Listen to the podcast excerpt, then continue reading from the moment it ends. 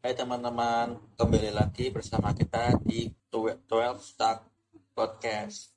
Oke, kali ini kita akan membahas tentang materi manajemen kinerja dari mata kuliah Man- manajemen sumber daya manusia. Eh, sebelum memulai pembahasan, saya akan memperkenalkan eh, kami akan memperkenalkan diri kami. Saya sebagai host Abdullah Hakim. Saya Veronica Habeahan. Halo semuanya, salam kenal untuk pendengar podcast 12 Tak. Aku Salam Alifah. kenal. Oke, dipanggil Ipah juga gak apa-apa ya. Biar lebih sobat-sobat gitu loh guys. Oke. Eh, halo semuanya buat Halo. pendengar Spotify ya, apalagi dengerinnya pas malam-malam gini. Kenalkan nama saya Hana. Tapi teman-teman saya biasanya memanggil saya hantu. Tapi buat kalian tolong ya Oh, jangan kita hantu ya. ya. Aku mau Hantu panggil unik hantu ya. aja. Unik. Aduh, bahaya loh malam-malam gini panggil hantu. Nggak apa-apa.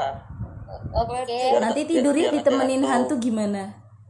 biar podcastnya lebih berwarna gitu. Oh. Berwarna loh. Warna kegelapan Mas Kakek. Ada anggota podcast tambahan Yang tidak siapa terlihat. tahu? hantu. Astagfirullah, berarti ada ada dua dong. Iya. Jahat kali, astaga. Dua dua dua. Oh, yuk mas. Udah udah kembali ke topik yuk. Kembali ke topik yuk. Balik lagi, balik lagi ke laptop. Kalau Oke, kata oke, Mas oke. Google. Oke, siap. Oke, jadi kita masuk ke pembahasan ya teman-teman. Eh, aku mau tanya nih, pengertian manajemen kinerja itu apa sih? Kalau manajemen itu suatu proses pengelolaan atau mengelola sesuatu. Gitu Mas Kakim. Oh, aku mau nambahin nih. Kan tadi ini kan manajemen kinerja. Terus yang pengertian kinerjanya itu adalah kinerja itu tentang apa yang dilakukan dan- dan hasil apa yang akan dicapai dalam pekerjaan tersebut. Itu kalau menurutku sih. Setuju, setuju, setuju. Oke, itu mau- juga penjelasan yang dijelasin sama Mbak Vero sama Mas Kakim juga sama sih yang aku baca di buku tuh kayak gitu juga.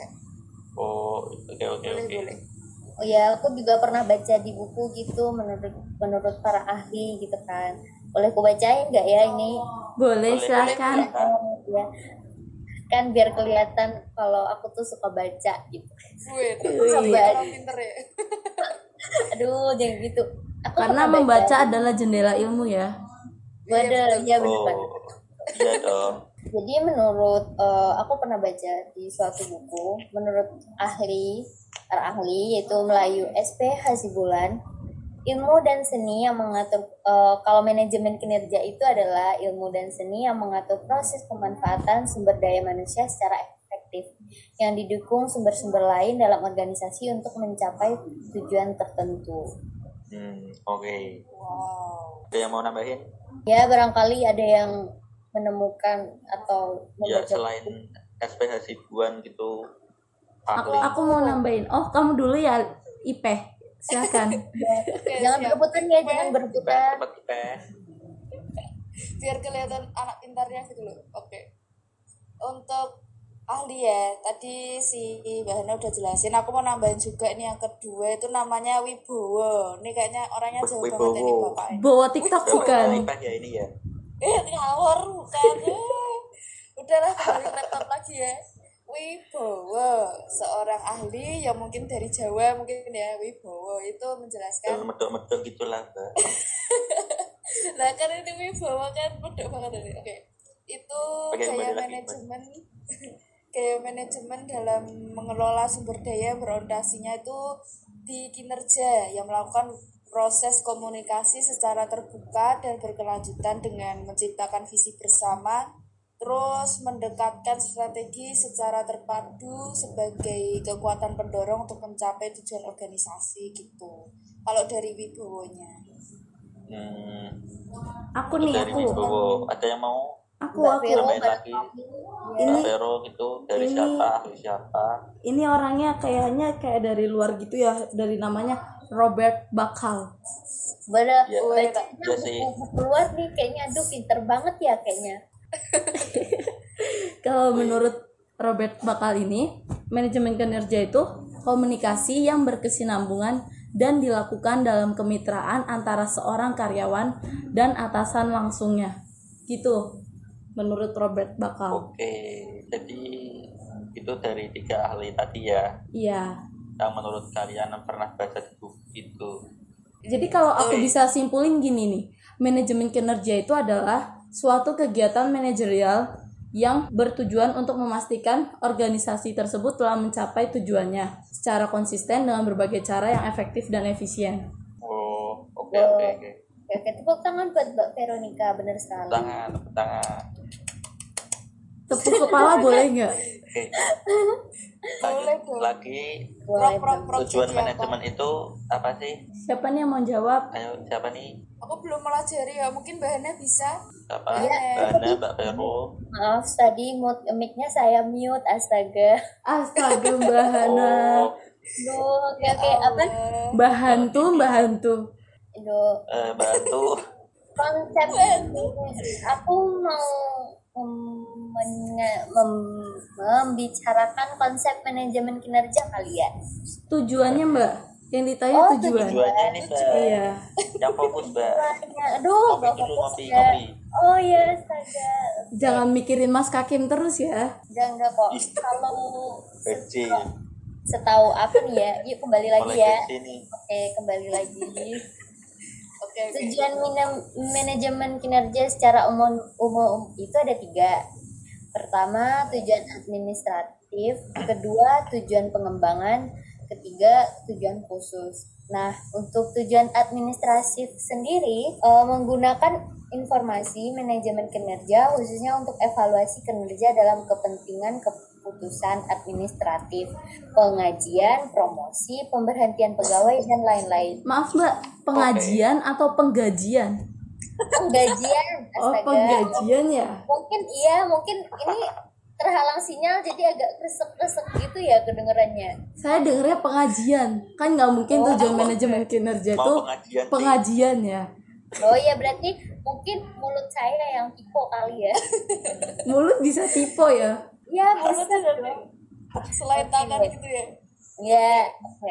Yang kedua itu tujuan pengembangan untuk mengembangkan kapasitas pegawai yang berhasil di bidang kerjanya.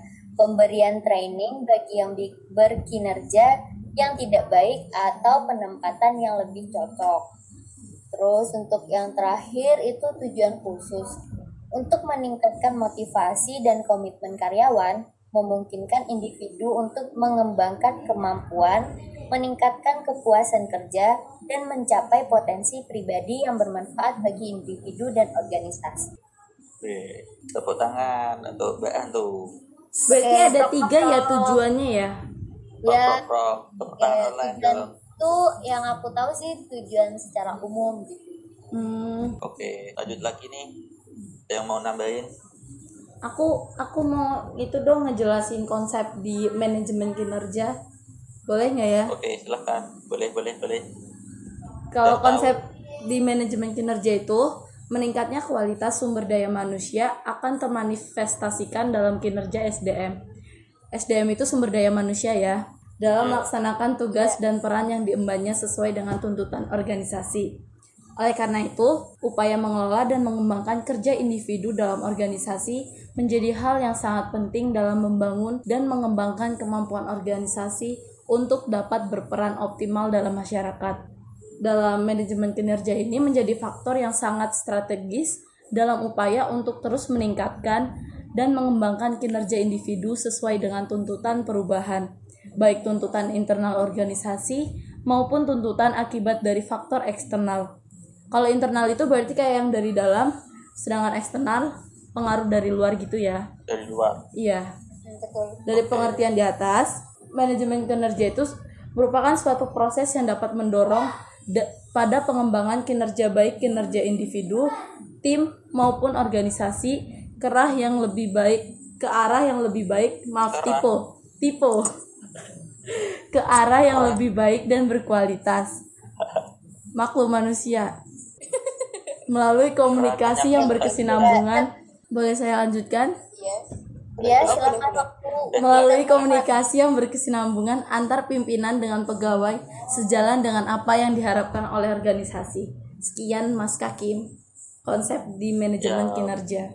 keren penjelasannya mau lanjut tadi atau ada yang mau nambahin Aku coba Beda ya ya. nambahin tadi. Aku oke siap siap siap IP Oke. Ayo, Ipe. Ini selanjutnya itu setelah konsep itu biasanya aku pelajari di buku itu ya. Itu ada siklus juga nih. Nah, buat siklus manajemen kinerja itu itu ada tahap-tahapnya ya. Itu ada tahap penentuan objektif, terus penentuan sasaran yang orientasinya tuh di perilakunya itu. Terus eh, menyiapkan dukungan yang diperlukan, terus evaluasi dan pengembangan serta memberi penghargaan. Penghargaan itu maksudnya kayak gimana ya? Kayak benefitnya gitu loh, kayak dikasih bonus gitu loh. Nah, gitu. Terus ya itu oh iya iya terus itu tahapnya terus Award, setelah iya. tahap itu mm, benar ada proses manajemen kinerjanya lah itu melibatkan perencanaan coaching atau apa ya coaching itu apa ya review Coaching tuh Wait, coaching nah. tuh apa ya?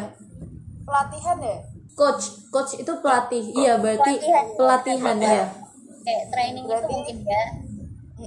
Berarti pelatihan dan review gitu. Terus habis itu di coaching sendiri ya atau di pelatihan itu dilakukan evaluasi terus dukungan juga arahan yang berkesinambungan melalui diskusi dua arah. Itu tadi coaching atau pelatihan. Terus yang kedua itu untuk proses review itu dilakukan evaluasi terhadap pencapaian dan terhadap sasaran yang ditentukan dan hasilnya itu dijadikan sebagai umpan balik gitu. Jadi sama-sama menguntungkan Oh. Gitu. Oke saling eh, apa menguntungkan saling Hmm. eh, balas diuntungkan gitu membalas. ya. Iya, intinya di dalam manajemen kinerja itu adanya umpan balik. mutualisme gitu ya. Iya, umpan balik. Gitu. ya Benar kurang lebihnya seperti ya itu. gitu ya oke mau nambahin lagi? Udah. Barangkali ada yang tahu syarat manajemen kinerja itu apa aja ya? Aku itu aku siapa?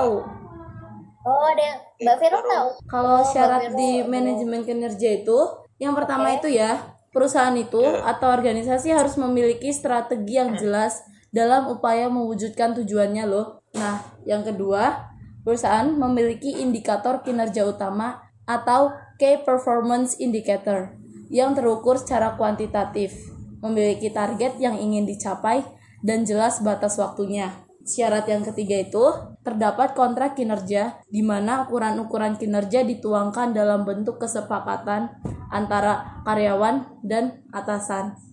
Yang keempat itu siklus manajemen kinerja yang baku dan dipatuhi seluruh elemen perusahaan, yaitu berupa perencanaan kinerja, pelaksanaan, pengawasan, dan evaluasi. Yang kelima, terdapat pemberian reward dan punishment yang sifatnya membangun dan konsisten di dalam perusahaan. Yang keenam, adanya dedikasi kepemimpinan yang kuat di tingkat atas atau top managers, sehingga perusahaan memiliki kinerja yang tinggi demi terwujudnya tujuan perusahaan.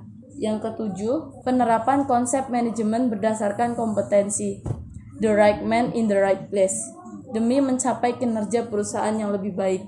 Itu sih yang aku tahu tentang syarat di manajemen kinerja. Wah makasih oke makasih ya Pak Mbak Vero pengetahuannya Sama-sama. Eh, aku sebagai host boleh nambahin nggak sih Boleh. banget.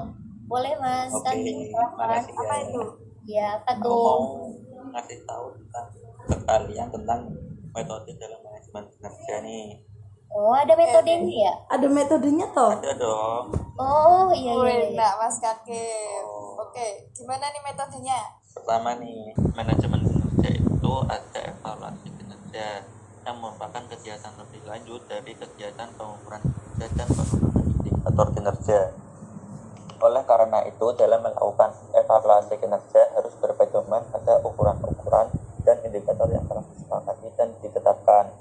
Evaluasi kinerja juga merupakan suatu proses umpan balik atas kinerja masa lalu yang berguna untuk meningkatkan produktivitas di masa datang sebagai suatu proses yang berkelanjutan, evaluasi kinerja menyediakan informasi mengenai kinerja dalam hubungannya terhadap tujuan dan sasaran. Eh, metode evaluasi yaitu teknik-teknik yang digunakan dalam evaluasi kinerja antara lain analisis biaya, manfaat analisis ini dilakukan dengan mengidentifikasi yang menjadi, menjadi benefits atau manfaat dan item-item yang merupakan cost atau biaya yang dapat bersifat tangible, nyata, dan intangible, tidak nyata. Dengan analisis cost benefit ini, masalah yang harus diperhatikan adalah item-item yang dibeli dan pemberian nilai atau harga terhadap item tersebut. Metode evaluasi program dan kebijakan terdiri atas tiga jenis, yaitu satu evaluasi semu adalah evaluasi yang menggunakan metode deskriptif untuk menghasilkan informasi yang valid dan dapat dipercaya mengenai hasil kebijakan tanpa berusaha untuk menanyakan tentang manfaat atau nilai dari hasil-hasil tersebut terhadap perseorangan, kelompok maupun masyarakat. Yang kedua, evaluasi formal, yaitu evaluasi yang menggunakan metode deskriptif untuk menghasilkan informasi yang valid dan dapat dipercaya mengenai hasil kebijakan dengan melakukan evaluasi atas dasar tujuan program kebijakan yang secara formal telah diumumkan oleh para pembuat kebijakan dan administrator program.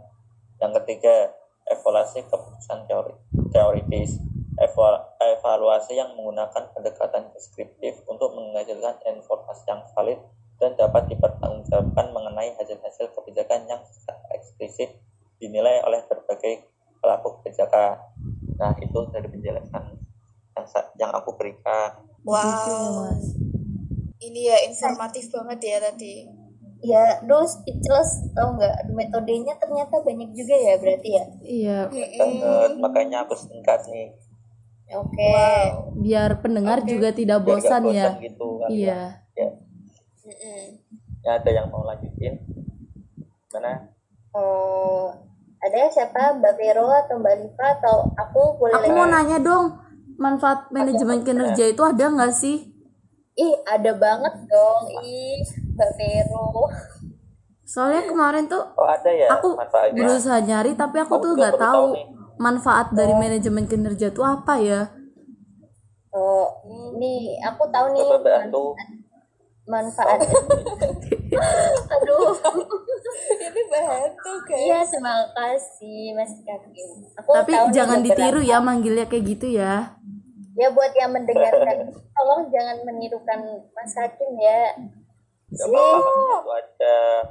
Jadi manfaat manajemen kinerja itu yang aku tahu ya sejauh ini tuh ada tiga. Yang pertama itu manfaat bagi perusahaan.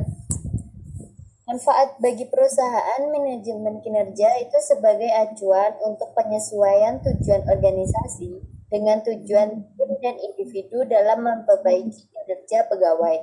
Terus untuk meningkatkan komitmen kerja pegawai, untuk memperbaiki proses training dan pengembangan, untuk meningkatkan keterampilan pegawai, sebagai upaya perbaikan dan pengembangan secara berkesinambungan. Terus yang kedua, manfaat bagi manajer. Untuk manajer itu bisa membantu klasifikasi kinerja dan harapan perilaku. Bisa juga untuk memperbaiki kinerja tim dan individu pekerja. Bisa juga untuk menawarkan peluang memanfaatkan waktu secara berkualitas. Terus sebagai upaya memberikan penghargaan non finansial bagi karyawan dan yang terakhir untuk membantu karyawan yang kinerjanya kurang baik. Terus yang ketiga itu manfaat bagi seluruh pegawai. Yang pertama sebagai informasi peran dan tujuan karyawan. Yang kedua untuk mendorong dan mendukung kinerja karyawan. Yang ketiga untuk membantu mengembangkan kinerja dan kemampuan karyawan. Terus yang keempat sebagai peluang untuk memanfaatkan waktu yang berkualitas. Serta yang kelima sebagai dasar ob- objektivitas dan kejujuran dalam mengukur kinerja. Uri. Yeay. Bahannya Wow, sangat nggak kalah informatif ya ini si bahannya penjelasannya dari Mas Kakim tadi. Iya, Semoga aja bantu. pendengar bisa paham ya apa yang kita sampaikan ini. Semoga bermanfaat gitu ya. Iya. Amin. Ya, bermanfaat Betul. bagi seluruh pendengar di podcast 12 Stack. 12 talk. Ya. Wih, 12 Stack. Sorry, bahasa Inggrisku rada rada Nggak bukan ya, 12 talke tapi 12 Gak talk bisa bahasa Inggris gitu ya. Iya, nggak apa-apa, udah. udah udah kurangin Oke. bercandanya ayo lanjut yuk Oke siap. Aku aku mau nambahin tadi si Bahana itu udah jelasin manfaatnya ya. Terus Ya. ini ada prinsipnya. prinsipnya itu ada 10 ya Mm, Ya. mm, mm, di buku aku juga Ada kayak 10 gitu ya? ada 10. iya Mm. bagi dua dong bacanya kamu lima aku lima boleh nggak Oke siap. Aku lima. iya baca Iya, lima aku lima aja. Karena Oke, berbagi berbagi itu indah ya guys. kecuali berbagi berbagi indah termasuk berbagi pembahasan berbagi pacar itu tidak boleh. Kalau itu enggak itu, itu terkecualikan sih itu. Iya iya betul betul. Oke lanjut aja ya. Kembali Ayo, lanjut, ke kembali ke layar topik. HP, layar laptop. Oke. Prinsip dari manajemen kinerja itu yang pertama jujur. Tentunya dong kalau jujur dikerjakan harusnya apa nomor satu gitu kan. iya harus ada kejujuran Mm-mm. Nah di kejujuran ini eh, menampakkan diri dalam komunikasi umpan balik yang jujur di antara manajernya, terus pekerja atau karyawannya gitu, terus sama rekan kerjanya. Nah proses penilaian ini akan memperluas pemahaman bawahan atau pekerjanya itu. Dengan caranya itu mengajak mereka untuk jujur menyatakan apa yang memotivasi mereka, apa yang mereka suka dan tidak suka mengenai pekerjaan mereka. Terus apa yang mereka inginkan juga itu. Terus eh, apa yang menjadi kepentingan mereka dan bagaimana mereka harus dibantu. Nah sebaliknya itu tadi kan yang apa yang ini ya yang bawahan yang untuk yang bawahan. Nah sebaliknya Iya. untuk manajer di kejujuran itu menceritakan kebenaran dan hubungannya dengan bawahan atau karyawan tentang apa yang disukai terus apa yang nggak disukai mengenai pekerjaan mereka mengenai pekerjaan bawahannya gitu. Sehingga manajernya itu bisa paham nih hambatan-hambatan dari karyawan biar apa eh, tujuannya itu kinerjanya para karyawan itu jadi bagus gitu. Itu yang nomor satu ya yang berarti antara karyawan dan manajer ini harus ada sikap jujur ya antara satu sama lain. Nggak antara cuma manajer dan bawahan sih kayak sesama karyawan pun harus ada kejujuran juga ya. Nggak Betul. ada benih-benih Bawahan, KKN atasan. di perusahaan. Mm-mm, jujur jujur guys oke. Ada yang kedua itu waduh nah itu berat ya. Dalam hubungan aja perlu adanya kejujuran loh apalagi perusahaan. Mm-mm, bener.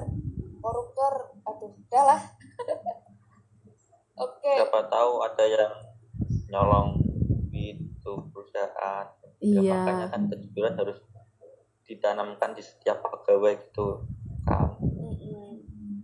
Jujur adil itu yang utama yang kedua itu apa yang kedua itu pelayanan pelayanan gitu nah yang dimaksud pelayanan itu bukan pelayan restoran pelayanan ya. itu berarti yang ngelayanin kayak di resto gitu eh bukan Oh, Ini- bukan. ini, ini, di perusahaan manajemen kinerja oke untuk pelayanan itu Pelayanan. eh, caranya itu memberikan pelayanan kepada para pekerja Oh, seperti oke, oke, oke, ya. jika kerjanya itu ngalamin sulit gitu menyu- apa eh, kesulitan menyelesaikan pekerjaannya. Nah terus tuh dilayani. Nah maka manajernya itu bantu pekerjanya gitu. Jadi tadi yang jujur kan udah diketahui ya terus pelayanannya tuh masih kayak gitu. Oh berarti kalau misal kayak ada eh, misal nih sekretaris perusahaan kayak kesulitan dalam melakukan tugasnya manajer tuh siap membantu gitu ya? Siap. Itu salah satu tugasnya manajer gitu seperti itu teman-teman. terus itu yang nggak ke konsumen doang tapi juga ke pegawai juga ya. iya betul. Oke oke. oke. Paham kan semuanya? Paham bu guru bu ipeh. Wait. WP oke yang ketiga aku lanjutkan. Yang ketiga itu tanggung jawab. Jadi jujur terus eh, bisa melayani terus yang ketiga ini tanggung jawab. Tanggung jawab itu nggak kalah dari yang dua contoh tadi ya itu merupakan prinsip dasarnya dalam mengembangkan pekerjaan dan memahami dan menerima tanggung jawab atas apa yang mereka kerjakan dan yang tidak mereka kerjakan untuk mencapai tujuan mereka dalam perspektif itu manajer sudah menjadi tanggung jawab manajer untuk memastikan keber- keberhasilan bawahannya gitu. jadi tanggung jawab juga udah mungkin udah jelas ya ini yang ketiga oke aku lanjutkan Yang keempat dong. ya untuk yang keempat ya Ya. Lanjut. oke yang keempat itu bermain nah tapi ini, ini mungkin Benar-benar kok agak bermain. masa di masa di or- apa perusahaan main ya. Oke, oke, jadi waktu aku baca buku itu juga agak bingung ya, maksudnya bermain itu gimana ya, mohon maaf.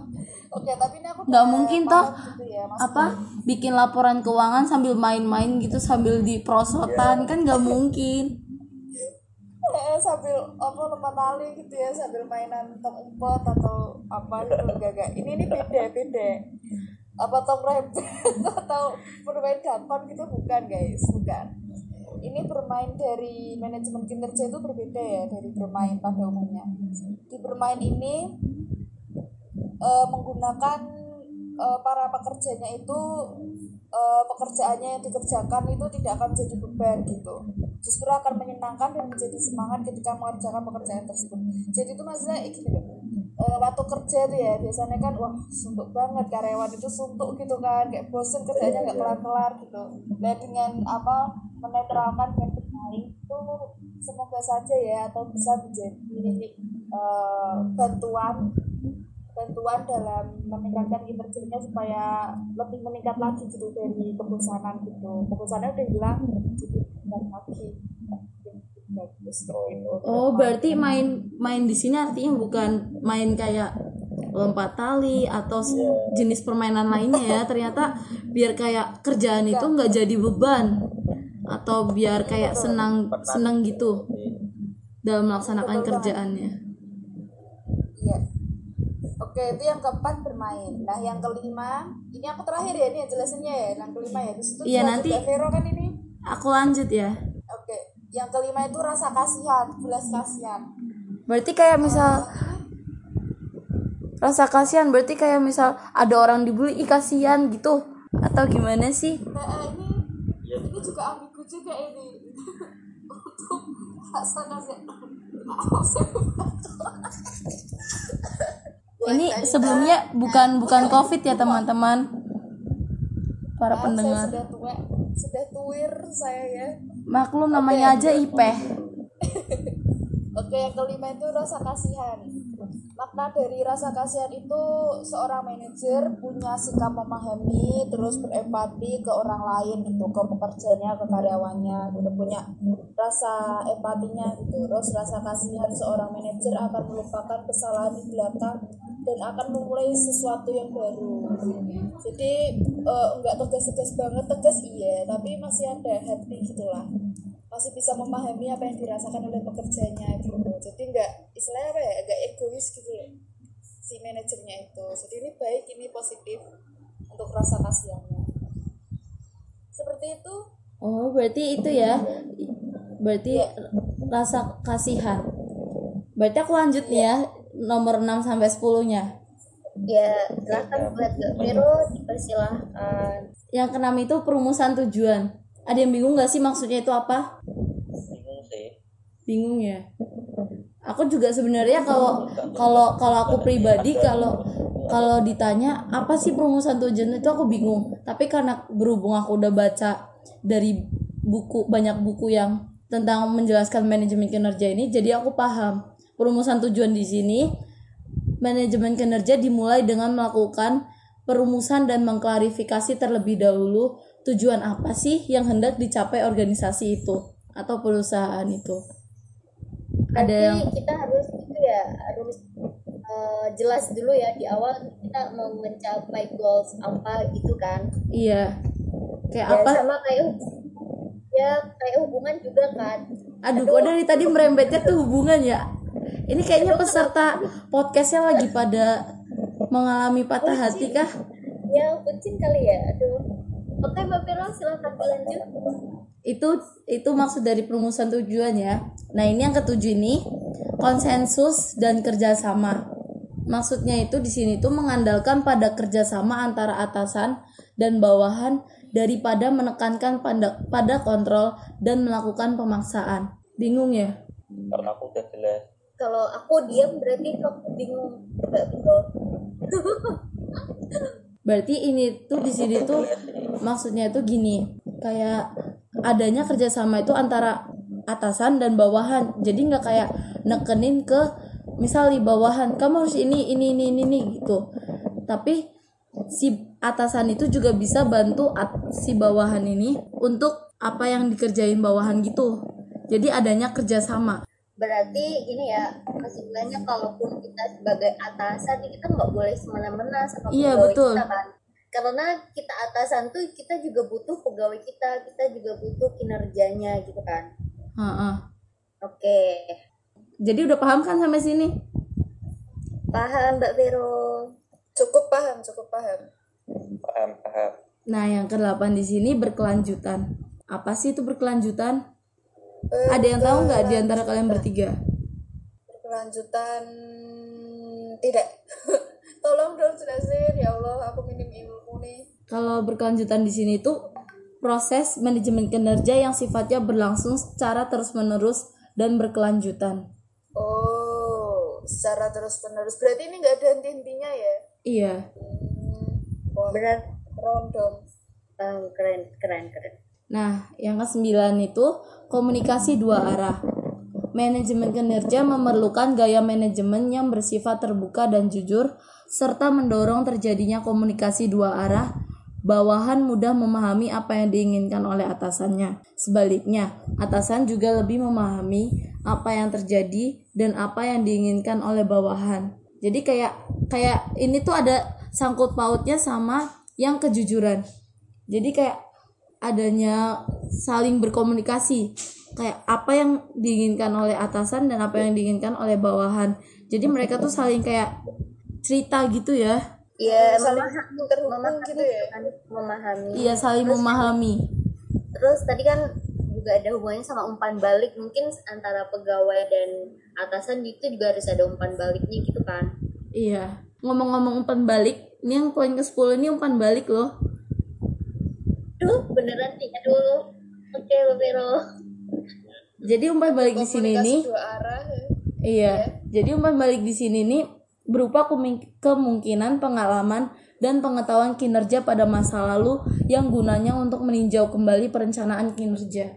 Berarti kayak misal pengalaman atau pengetahuan kinerja yang masa lalu tuh yang misal buruk kayak diperbaiki, yang baik semakin ditingkatkan. Jadi ke 10 prinsip ini ada sang- saling bersangkut paut ya. Eh, eh, benar benar prinsip dari manajemen kinerja ini saling bersangkut paut terus hal-halnya tuh juga positif semua untuk prinsipnya Terutama itu ya, kayak tadi antara apa? Atasan dan pegawai itu kayak kinerjanya itu harus benar-benar sangkut paut gitu ya. Iya. Mm-mm. harus saling terhubung gitu biar tujuannya tuh semakin tercapai ya tentunya Tapi kenapa aku tidak terhubung dengan dia? Eh aduh batik lagi udah clear Ini kenapa ya dari tadi ada suara angin-angin? Jadi maklumin aja ya para pendengar podcast kalau misal kayak ada suara angin-angin karena kita ini podcastnya aja virtual. Hubungan aja bisa virtual, apalagi podcast.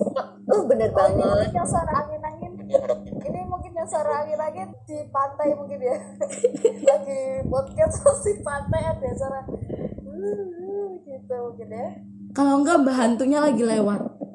Ayo. bener Astaga. Tadi di bawah-bawah dong. halo Oke, yuk kembali yuk. Aku mau tanya dong Mas Kakim kesimpulannya tuh jadinya apa ya? Ya kan Mas Kakim sebagai host nih. Heeh. Da- menurutku sih dari penjelasan eh, Mbak Ipre, Mbak Vero sama Mbak atau itu biasa disebutnya ya. Jadi kesimpulannya manajemen kerja itu adalah suatu proses atau kegiatan yang meningkatkan kinerja organisasi, tim dan individu dalam suatu keterkaitan melalui komunikasi yang seimbang antara dengan pemimpin atasan agar sesuai apa yang diharapkan perusahaan. Manajemen kinerja memiliki tiga macam tujuan administratif, tujuan pengembangan, pengembangan, dan tujuan khusus. Ketiga macam tersebut memiliki maksud untuk menciptakan lingkungan atau ekosistem ke- kerja yang berkelanjutan antara pegawai, karyawan, atasan secara efektif dan efisien. Dan saran juga nih dari aku untuk para pendengar di podcast ini, eh, aku diharapkan para pen- pendengar ya, yang mungkin mempunyai usaha atau perusahaan bisa lebih paham dalam memanajemen karyawan atau pegawainya sehingga bisa membuat lingkungan perusahaan yang kondusif, terencana, dan berkelanjutan yang berimbas pada keuntungan perusahaan. Uh, Oke, okay. sekian dari podcast kami. Mohon maaf sebesar-besarnya kepada para pendengar jika ada kata-kata yang kurang mengenakan untuk didengar atau di hati ya uh, kami juga mengharapkan kritik dan saran Iya. dari pendengar agar bisa lebih baik lagi. Agar podcast kami ke depannya lebih baik lagi. Ya lebih baik lagi. Amin. Berarti ini masih ada episode 2, 3, 4 nya kan? Masih ada pasti masih ada. Jadi nantikan Oh, saja jadi- kelanjutannya. Tungguin aja gitu ya. iya. Oke. pada para pendengar di podcast ini. Oke sekian menutup dari kami kami ucapkan terima kasih saya Abdillah Hakim saya Veronica Abeahan Saya Alifah, Ipah. Eh, saya Hana Hantu. pamit undur diri bye semua guys, kami pamit undur diri ya. Kami Dadah. pamit. Kami pamit. Sampai ketemu semuanya. Dadah. See you guys.